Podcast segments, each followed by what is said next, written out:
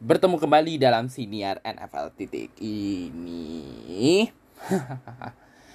ini adalah satu isu yang sebenarnya rada ngilu untuk gue bahas.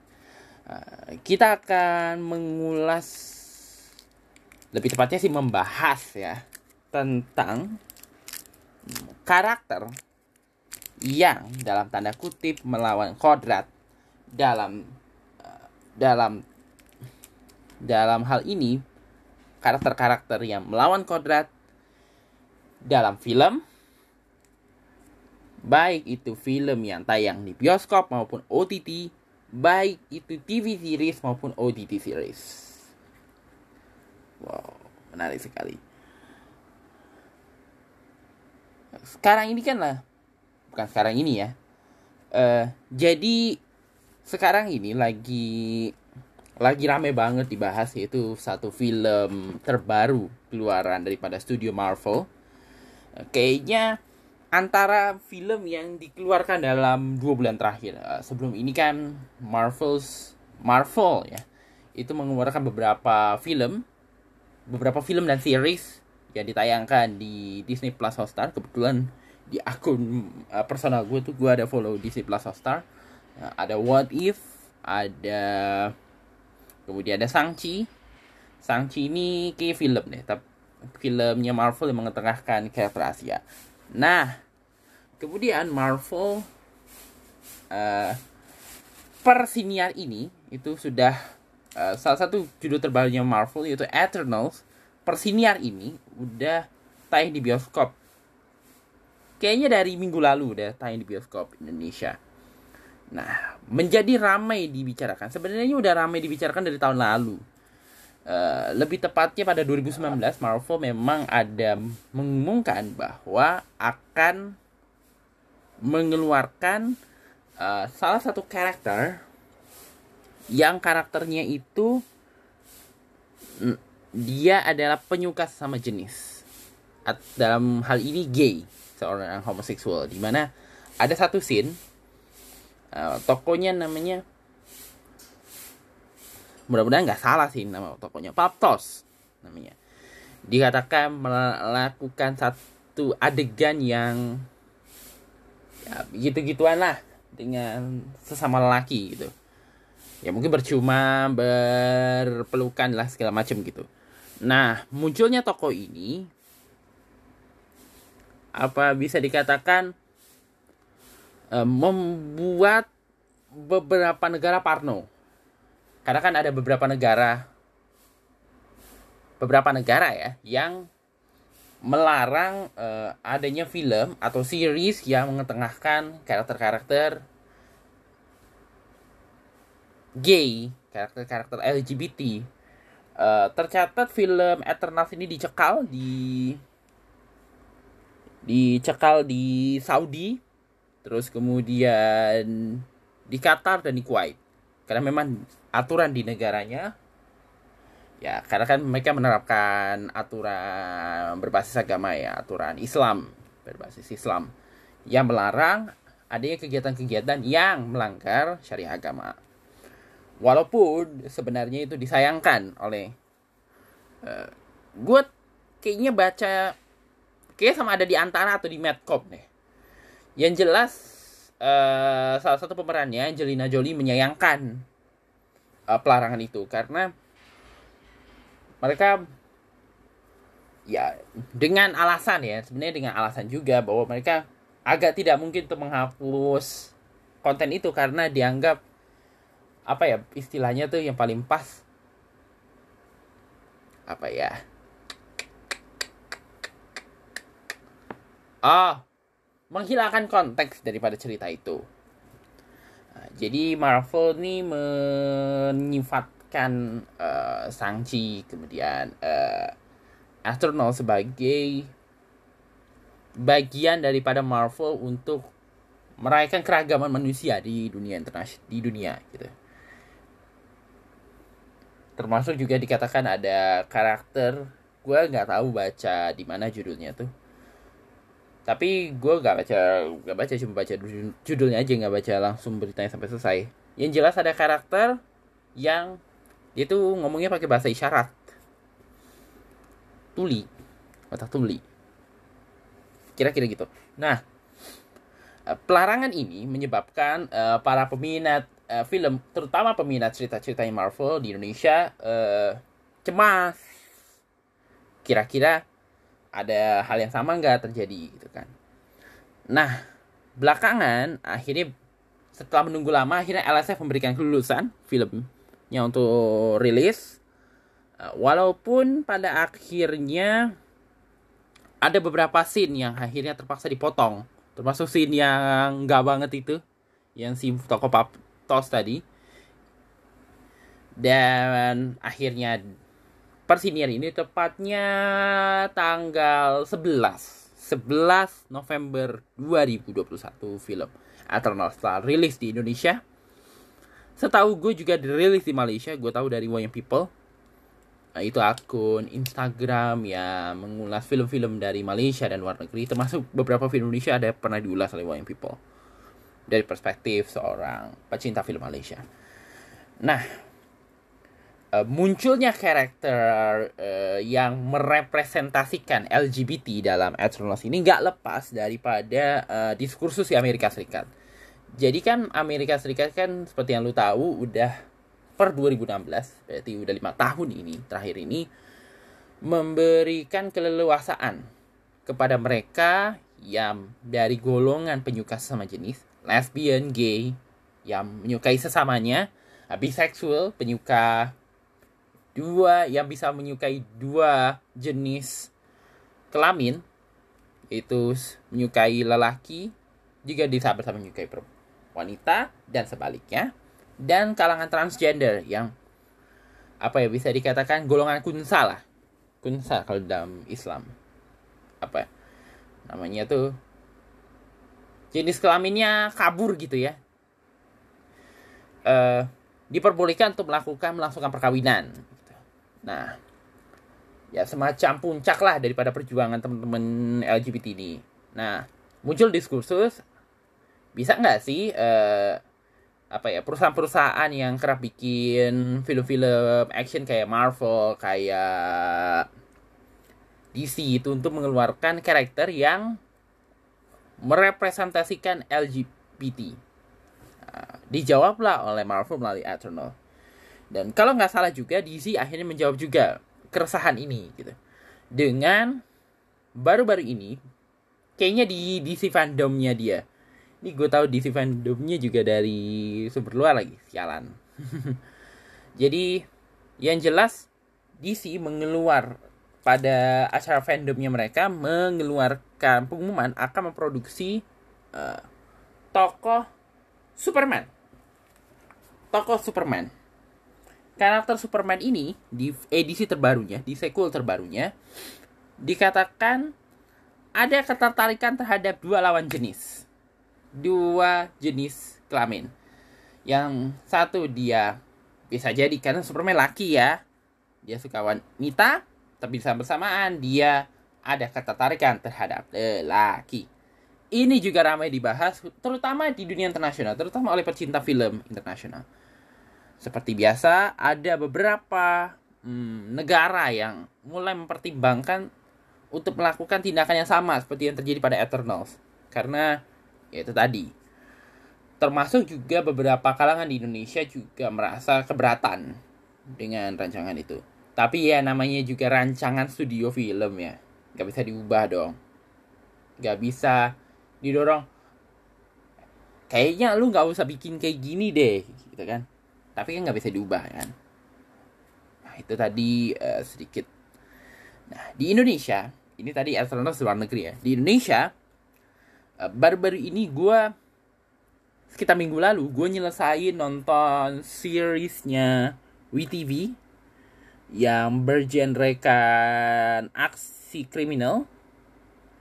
Ini dikatakan adalah series pertama di Indonesia yang dikerjakan dari sudut pandang aksi dan kriminal yang menuliskannya adalah orang yang cukup mempunyai capability lah untuk menuliskan itu. Judulnya Cyanida.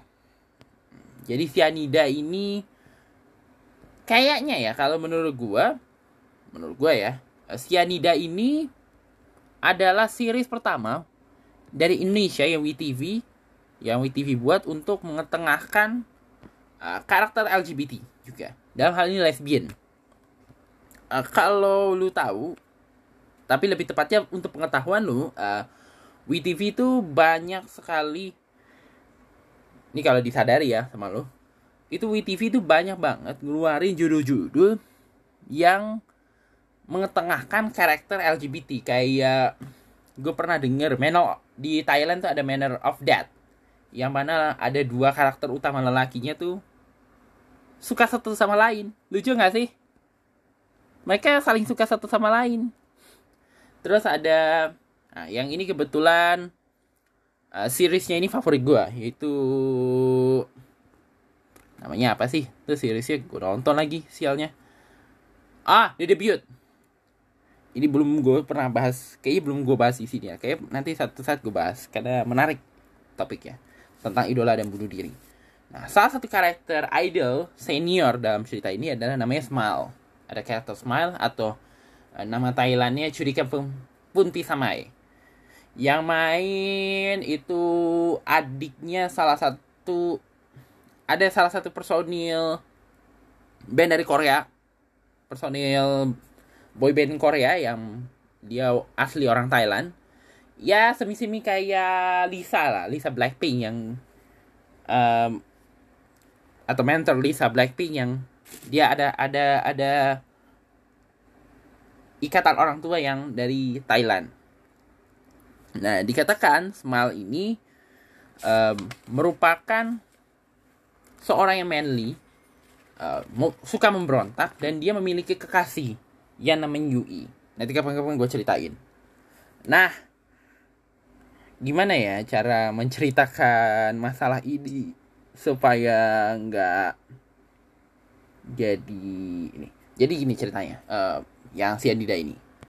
Jadi kan uh, si Adida ini kan ada karakter yang dia merepresentasikan LGBT uh, namanya uh, Jenny. Jenny ini yang dimainkan oleh uh, Agni Nihak.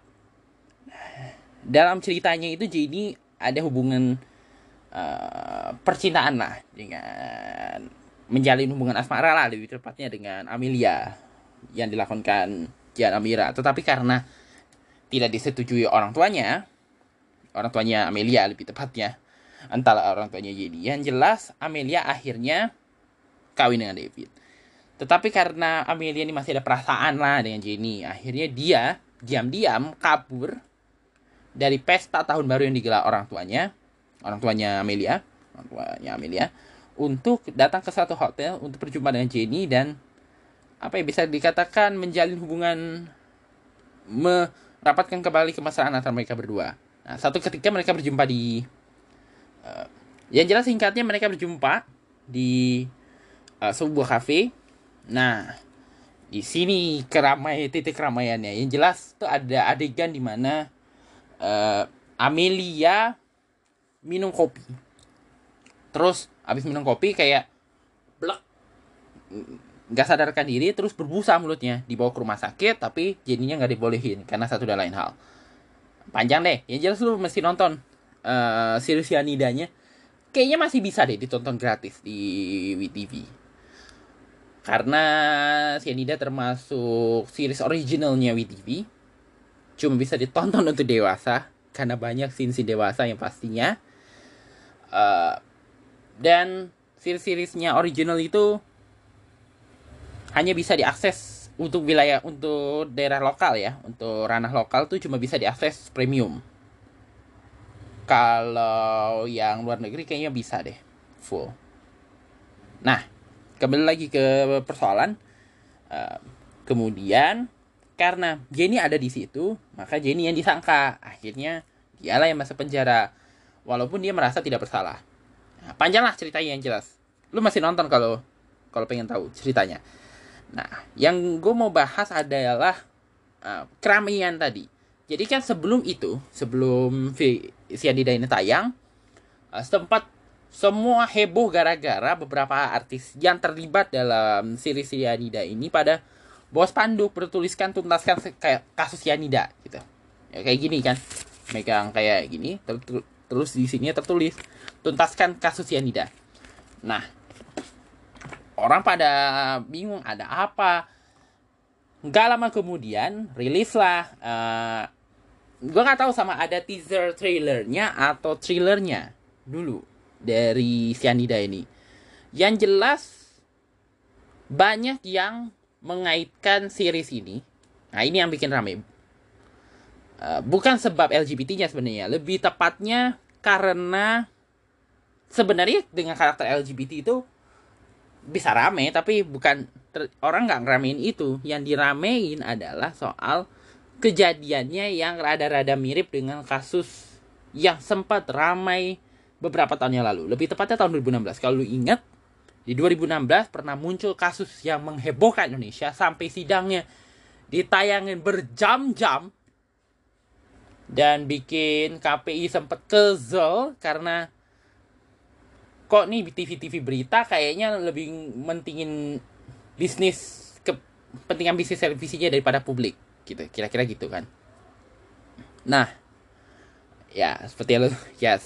Yang gue maksud adalah kasus uh, kopi bersianidanya Wayan Mirna Salihin yang me yang menyebabkan kematian Wayan Mirna Salihin dan membuat uh, temannya Jessica yang hadir di, di tempat kejadian masa itu duduk di kursi pesakitan alias jadi terdakwa.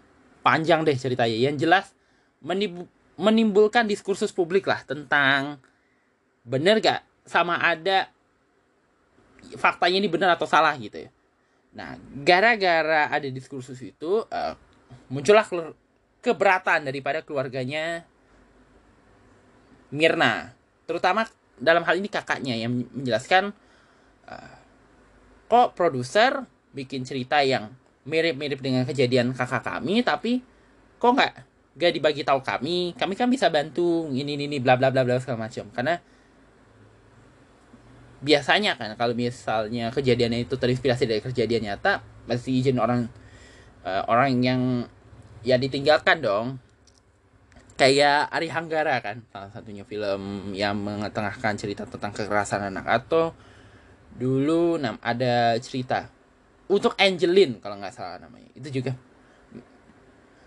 ada keterlibatan orang tua.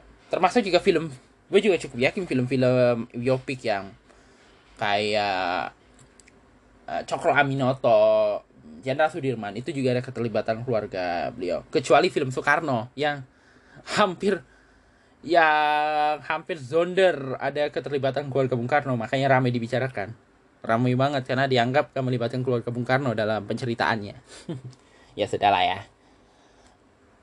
Yang jelas keluarganya Mirna keberatan lah, tapi dijawab oleh produser ya mungkin memang ceritanya agak-agak mirip para Punjabi dan hal ini produsernya Sianida bilang ya mungkin rada-rada mirip ceritanya tetapi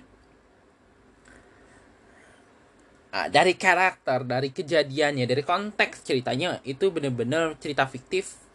Mungkin ada kemiripan tetapi tidak sepenuhnya. Kira-kira gitu.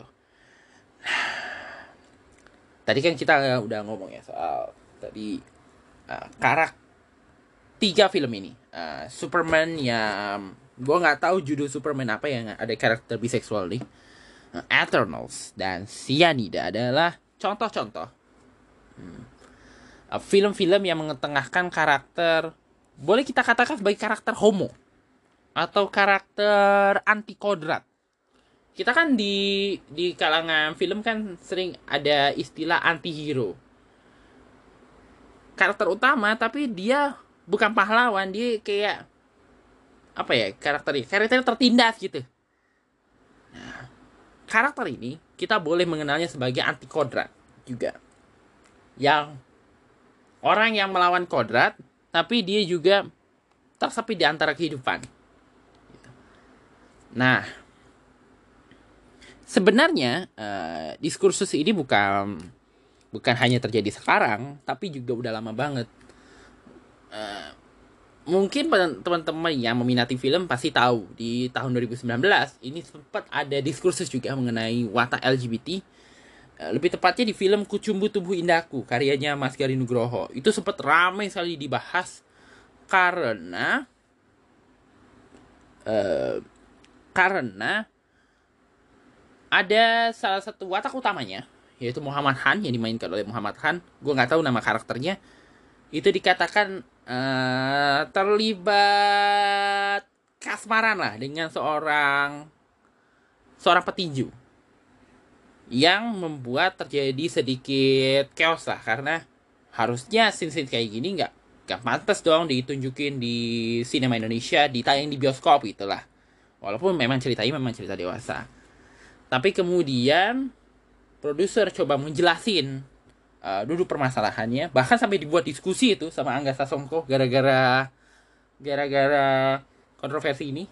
Sampai dibuat diskusinya sama Angga Sasongko dan sebenarnya series-series yang mengetengahkan karakter gay, karakter lesbian itu bukan bukan hal yang baru.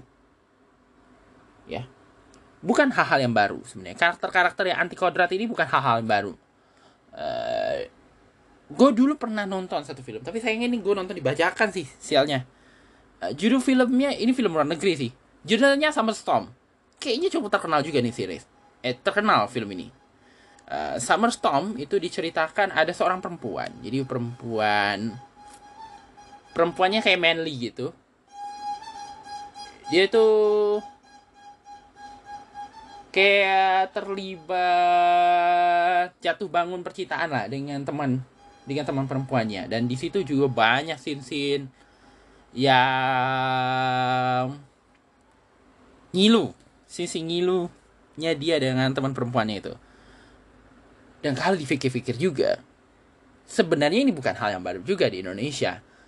Eh, film-film Indonesia zaman dulu, utamanya era-era 80-an tuh banyak banget mengetengahkan karakter-karakter yang anti kodrat. Anti kodrat dalam hal ini apa ya bahasanya? Watak-watak waria kalau lu sering nonton film-film zaman dulu tuh ada aja ada aja watak-watak waria. Yang kalau lu inget salah satunya yang bisa gue jadiin contoh siapa ya? Ah! Warkop. Warkop tuh sering banget ada karakter-karakter yang kayak antitesis gitu melawan kodrat gitu dalam film-filmnya.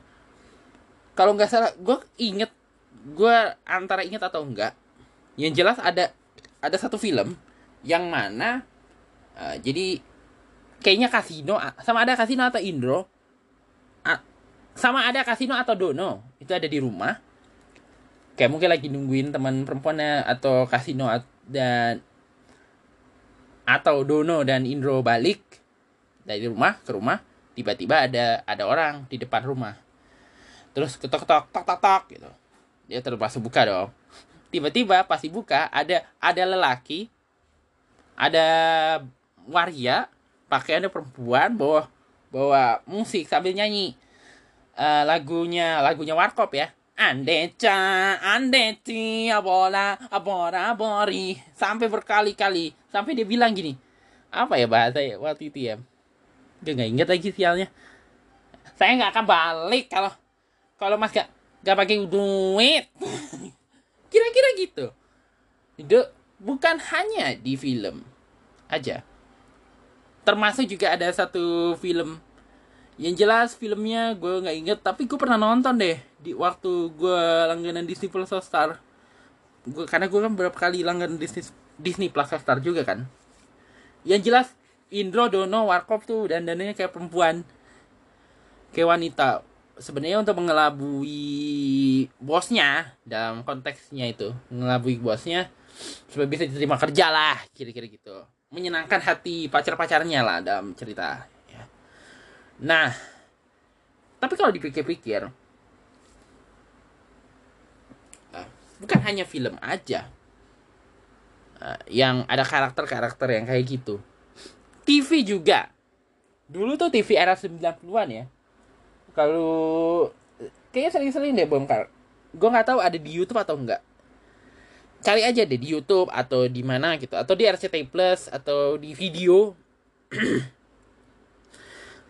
Bahwa Indonesia pun pernah ada karakter-karakter yang anti kodrat dalam tanda kutip ya anti kodrat dalam uh, series dalam uh, sketsa komedi salah satu yang gue inget banget itu gue pernah nonton adalah Lenong Rumpi. Lenong Rumpi itu Lenong Rumpi itu ya ada karakter uh, almarhum almarhum Ade Libertiva. Jadi Bambi. Pakainya cewek banget.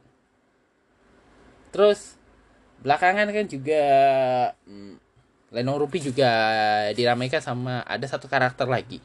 Namanya Tata Tata Dado Tata Dado tuh menurut gue adalah salah satu uh, transgender yang cukup terniat banget.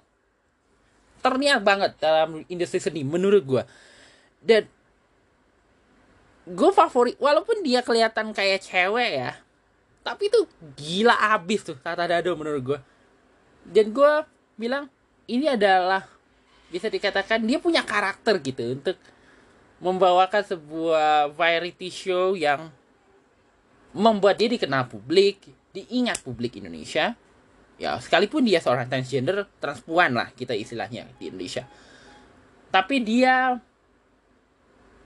menarik perhatian publik dikagumi publik bahkan menerima banyak tawaran termasuk dari perusahaan-perusahaan. Eh, salah satu yang gue inget ya itu ada satu penampilan beliau di acara KND ini gue gue gak nonton gue gak tahu pernah nonton atau enggak tapi gue baca di bukunya Kick Andy waktu itu. Episode yang mengulas episode-episode terbaiknya Kick Andy pada ketika itu. Karena Kick Andy lagi lagi fenomena fenomenalnya di TV Indonesia kan. Um, belum pernah ada acara kayak late night yang isinya tuh bukan sensasi gitu. Isinya cerita-cerita inspiratif gitu. Itu membuatkan Kick Andy cukup dikenal karena benchmarknya yang beda dan punya karakter dan itu yang membuat um, banyak orang suka dengan ceritanya cerita yang diketengahkan oleh Kick Andy yang membuat Kick Andy cukup dikenal pada saat itu dan membuat dia beda banget dibandingkan talk show talk show yang lainnya pada ketika itu. Nah jadi ada satu episode gue inget banget judulnya seni melawan kodrat. Yang jelas di situ Tata Dado hadir dengan teman-temannya yang teman-teman transpuannya yang membentuk kelompok Silver Boys. Yang jelas Tata Dado tuh hadir di di studio. Jadi habis tampil dia bilang gini ah, selamat malam. Terus dia dengan suara lakinya dibilang woi selamat malam. Terus dia cerita lah tentang Silver Boys ini bla bla bla bla bla bla bla. Lucu-lucuan lah. Yang jelas itu membuat pecah lah studio pada malam tuh. Yang bik ada satu dialog yang menurut gue bikin gue berkesan banget. Sampai sekarang. Yang jelas dia dia tuh mengibaratkan uh, lel, uh, transgender itu jangan sebut kami. Ada satu kalimat dia yang apa ya tersi yang gue tangkap ya. Pas saya baca buku itu dia bilang jangan panggil kami lelaki jangan panggil kami transgender jangan panggil kami waria panggil kami lelaki spesial. Yang jelas gitu istilahnya. Yang jelas gini panggil kami lelaki spesial apa bedanya waria dan lelaki spesial? Kalau anda pesan dia ngejelasin kan si Tata Dado dengan sedikit panjang lebar. Kalau anda pesen uh, nasi goreng spesial di tengah-tengah ada telurnya itu bangke yang bagian terakhir yang itu salah satu bagian paling paling bangke itu dialognya itu. Yang jelas gue ulang ya. Kalau anda pesen nasi goreng spesial di tengah-tengah ada telurnya. Dengerin dia juga lucu. Lelaki spesial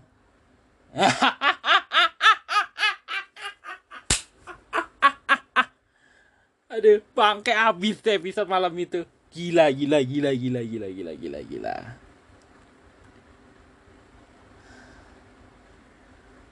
Bahkan selain dibikin show TV, dibikin uh, film, Nia Dinata di 2008, kayak 2007-2008, memberanikan diri membuat karakter superhero dari kalangan transpuan Waktu itu kan Aming lagi terkenal-terkenalnya ya di TV. dengan karakter yang beda sangat bener-bener kayak bikin ini banget lah ya kemayu banget gitu Aming pada masa itu dan membuatkan orang mengidentikan Aming sebagai ya Biggie Boys gitu kan. Itu yang membuat Nia mempercayakan dia untuk membawakan karakter superhero tapi dari kalangan dari transpuan gitu. Sebelum Marvel dan uh, DC memberanikan itu udah ada karakternya di Indonesia tuh. Namanya Madam X. Walaupun gak laku-laku amat sih tapi cukup menarik lah. Kayak gue masih nonton tuh si filmnya tapi kan uh, diskursus mengenai uh, mengenai uh, film perlu enggak sih sebenarnya kan pertanyaannya tadi kan ini udah mulai masuk ke pembahasan ya perlu nggak sih sebenarnya karakter-karakter yang sedemikian itu? Kalau lu tanya gue, tergantung. Jawabannya tergantung. Kenapa gue bilang tergantung? Gini, uh, kalau menurut gue, ketika ada karakter-karakter sedemikian itu, ada masa, ada beberapa jenis masa yang uh, menyukai karakter-karakter yang menanggapi karakter-karakter yang sedemikian ini. Gue bisa bagi jadi tiga. Ada karakter yang suka karakter sedemikian karena memang dia dia sesamanya. Ada ka dia suka karena karakternya, karena emang suka karena terhibur aja. Ada yang nggak suka sebab ya nggak serasi lah. Dan ada satu lagi, ya emang nggak suka sama sama karakter inilah yang pertama tadi suka karena merasa se ini terutama karakter-karakter ini kan karakter-karakter homo ya yang kita ketengahkan. Nah, ketika karakter homo ini muncul di film, di series, nah, teman-teman, terutama teman-teman yang LGBT ya, lesbian, gay, bisexual, transgender, dan teman-teman sejenisnya ngerasa, wah ini gue banget nih karakter ini. Ya, apa pun deh, series-series yang ada LGBT pasti mereka akan tonton karena mereka merasa diwakili oleh para seniman yang memproduksi, yang membuat cerita, yang menyutradarai, bahkan yang menerbitkan. Yang kedua, orang-orang ini suka karena cerita, karena karakteristik watak tersebut. Ini kan ciri sianida ya, dalam hal ini sianida. Kenapa ada orang nungguin Eternals walaupun ada kontroversi tentang karakter LGBT? kenapa orang-orang banyak banget yang suka Cyanida walaupun salah satu karakternya lesbian? Kalau kata gue ya, ya mereka karena suka. Mereka suka dengan penceritaannya. Apalagi Cyanida ya. Kita tuh jarang banget, Indonesia tuh jarang banget disuguhin cerita-cerita yang apa ya bikin kita ngerasa tertarik itu nonton TV. Kan sinetron-sinetron atau series Indonesia kan kebanyakannya cerita-cerita harus diakui ya, cerita-cerita cengeng cerita-cerita cinta uh, antara perempuan biasa dengan seorang corporate uh, antara perempuan dengan lelaki yang saling benci lalu jadi cinta orang tuh kadang-kadang kalau dikasih itu itu terus pasti bosen. Dulu tuh Indonesia pernah ada satu series yang berkaitan dengan aksi yang ngomong-ngomong soal series aksi. Tapi itu menurut gue gue suka juga ceritanya itu. Judulnya Elang. Itu tontonan gue waktu SD lang karena ceritanya beda aja gitu. Ada orang berusaha membuat satu karakter karakter agen rahasia gitu. Tapi eksekusinya eksekusinya sih bagus cuma emang nggak terlalu populer aja. Nah karena kebosanan masyarakat terhadap karakter-karakter sedemikian ketika muncul series kayak Sandy itu menarik perhatian dan menjadi tontonan. Ya walaupun mungkin ceritanya mengetengahkan karakter utama yang anti kodrat tapi kalau memang orang itu suka dengan ceritanya memang misalnya memang gue memang orang itu tertarik dengan cerita DC menggemari karya Marvel pasti akan ditonton apa pun sekalipun mungkin karakternya mungkin terlihat kayak berlawanan arus gitu karena emang misalnya orang-orang ini suka Cianida karena ceritanya berbeda dengan sinetron-sinetron kebanyakan di Indonesia, ya pasti mereka akan tonton.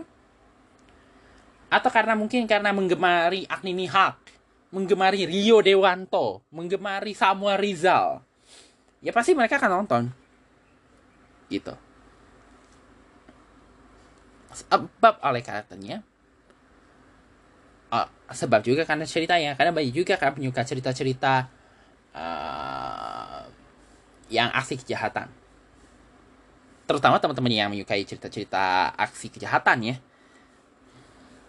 Ternyata kayaknya kayak Indonesia bisa bikin cerita yang sedemikian gitu.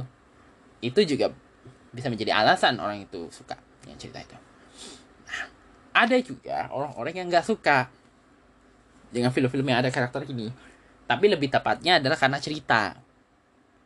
Nggak tertarik ah nonton cerita ini aneh gitu. Atau nggak tertarik lah gitu sebab ya nggak tertarik aja gitu nggak tertarik sebab ya mungkin sebab karena dia nggak suka cerita superhero lah gitu.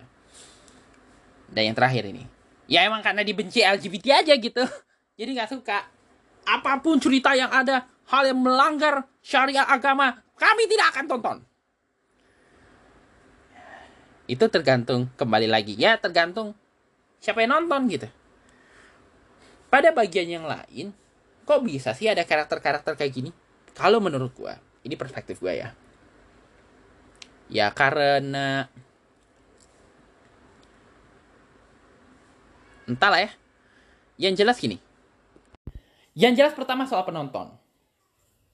Penonton ketika melihat film itu pasti ada pertimbangan. Dia suka itu sebab yang tadi gue ceritakan. Dia suka sebab hal berkenaan, gak suka sebab hal berkenaan, ya kan? Nah, yang kedua ini yang paling penting menurut gue sih adalah karakter. Karakter itu sendiri. Bagaimana uh, pelakon ketika diberikan uh, tugasan untuk melakonkan watak tersebut, bagaimana pembawaannya? Misalnya, ketika karakter itu ya kita ambil contoh berdasarkan topik kita ya, yaitu karakter anti kodrat itu tadi, gay, lesbian, atau jadi banci atau jadi waria segala macamnya. Maka ya dia akan melaksanakan sesuai dengan karakter itu. Tapi tentu bukan hanya berdasarkan apa yang ada dalam skrip tetapi juga dia bisa melakukan improvisasi kadang-kadang kan dalam dalam skrip itu pasti ada aja interpretasi atau olahan daripada si pelakon berkenaan gitu kan Misalnya kayak Muhammad Han kan. Muhammad Han botakin rambut. Terus dia bermain dengan gaya yang kemayunya segala macam gitu kan. Atau Tata Dado. Bukan hanya sekedar ya eh jangan Tata Dado deh. Siapa? Ozi. Ozi Saputra. Dulu kan watak dia peran dia sebagai uh, lelaki kemayu dalam Si Manis Jembatan Ancol, serial TV era 90-an tuh memorable banget.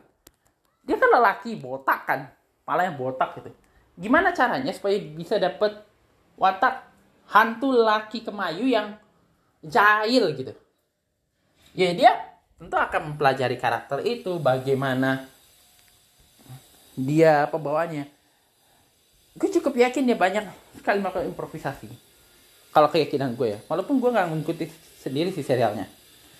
Dia banyak pasti improvisasi. Utamanya bagaimana cara pembawaan gayanya gitu. Nah yang ketiga ini yang menurut gue tentu tergantung ceritanya tadi kan satu penonton kedua karakternya yang dibawa kasih pelakon yang ketiga cerita kalau memang cerita itu mesti apa ya mengetengahkan atau mengharuskan si pelakon itu untuk menjadi gay, menjadi lesbian, membawakan watak-watak homo berkenaan, ya mau tidak mau suka tidak suka, ya mesti dilakonkan gitu ya. Tentu namanya juga sebuah produk seni kan, film, serial itu produk seni seperti yang gue bilang di episode uh, ricuh moral. Dia pasti ada yang suka, ada yang nggak suka. Pasti ada rasa enggan dari si pelakon untuk membawakan watak itu tapi namanya juga pekerja seni kita harus totalitas kita dalam mengerjakannya kayaknya apa yang gue bahas agak-agak rada-rada uh, keluar dari konteks. Kristen Hakim.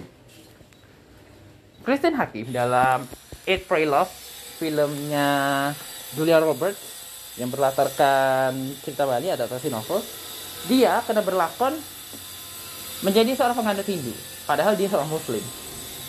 Tentu dia akan mempelajari bagaimana cara berdoa orang Hindu segala macam-macamnya sehingga dia bisa dapatkan feel watak itu. Ya itu gue cukup yakin sih. Ya mendapatkan peran watak-watak yang sedemikian pasti akan melakukan riset terlebih dahulu. Pelakon pasti akan riset. Tentu bukan hanya baca ceritanya. Pasti pasti awal-awal sulit untuk membawakan karakter demikian pasti dia akan lakukan riset bertanya-tanya mungkin konsultasi bagaimana cara membawakan watak tersebut sehingga watak tersebut menjadi sempurna. Menjadi diperkatakan penonton dan memiliki karakter. Ya. Dan yang paling penting menurut gue sih bergantung sih pada akhirnya tentang cerita uh, tentang karakteristik tentang hal-hal yang lainnya yang membentuk cerita itu menjadi uh, menarik. Karakter-karakter itu membuat cerita itu menjadi kaya ini kan sebenarnya bagian dari memperkaya karya aja sih. Memperkaya industri seni aja sebenarnya masalahnya. Cuma masalahnya kita mau atau enggak gitu. Pilihannya sama ada kita menerima apa yang ditawarkan atau enggak itu aja. Dan banyak lagi sih. Dan yang paling penting dari hal itu semuanya cerita uh, penokohan. Bagaimana penonton menyikapi watak-watak ini? Ya ini yang menurut gue penting. Dan rasanya saking pentingnya sih menurut gue kayaknya kalau nggak ada ini ya ceritanya cuma ya cerita-cerita aja gitu. Asal-asalan aja gitu. Yaitu cerita-cerita kayak gini. Kenapa watak-watak kok bisa sih ada watak-watak yang sedemikian gitu semua seni semua karya seni gak kira itu kan gue pernah cerita ya semua karya seni itu banyak ya setiap karya seni itu penting sekali untuk adanya aspek kemanusiaan. Aspek kemanusiaan. Bukan mustahil. Munculnya watak-watak ini, karakter-karakter ini karena dimunculkan oleh penulis, oleh para pemilik ide cerita atau memang muncul aja gitu, pure aja gitu sepanjang cerita proses penggambaran satu film, satu series itu muncul, ya salah satunya adalah kemanusiaan. Aspek kemanusiaan. Bagaimana kita seharusnya bisa menghargai uh, keragaman yang sedia ada gitu. Menghargai keragaman itu kan harus selalu memperlebarkan perbedaan gitu. Apa ya? Mencari pemahaman bukan untuk untuk untuk bers, menjadi satu tapi bersatu berpadu ya kan jadi teman-teman gay teman-teman lesbian teman-teman biseksual dan transgender LGBT ini juga ya walaupun secara keagamaan dalam aspek Islam ya ya aspek agama gue muslim masih menjadi perdebatan tetapi aspek kemanusiaan itu menjadi penting. Penting sekali. Hak-hak mereka sebagai manusia harus tetap dihargai walau bagaimanapun. Dan film itu sebagai sebagai satu gambaran sebagai apa ya potret terhadap kehidupan manusia film serial itu kan tentang kehidupan manusia kan juga penting untuk menyelipkan pesan bagaimana seharusnya kita menyikapi setiap manusia. Dan sebab itulah menurut gue ya kembali lagi ke kita sama ada kita suka atau memang kita nggak suka itu lagi-lagi ke kita juga kalau lu suka sebab pasti tentu apa? Tentu. Karena memang karakternya karena penceritaannya dan sebagainya dan sebagainya. Kalau nggak suka apa? Gitu. Yang penting jangan saling menyalahkan jangan saling membenci jangan saling menghujat. Jangan sampai saling mengucilkan. Nah ini yang akan mempersulit kita. Bukan hanya untuk teman-teman yang sedemikian ini tapi juga kita. Dan lagi-lagi soal karakteristik. Ini soal rasa sih ya. Masalah karakter ini soal rasa. Taste kita memang terhadap film itu apa? Yang nggak ngerti film ya ya dia berdasarkan perasaannya. Yang ngerti film ngerti karya seni pasti tahu sebagaimana yang sering dikatakan Krisye uh, lebih tepatnya si Guru Soekarno Putra dalam lagunya. Kadang-kadang orang-orang yang jangan tanda kutip munafik tuh nggak paham tuh arti kesenian hanya orang yang jujur memiliki kejujuran yang keluhuran pekerti tahu bahwa seni bisa menaungi hidup manusia.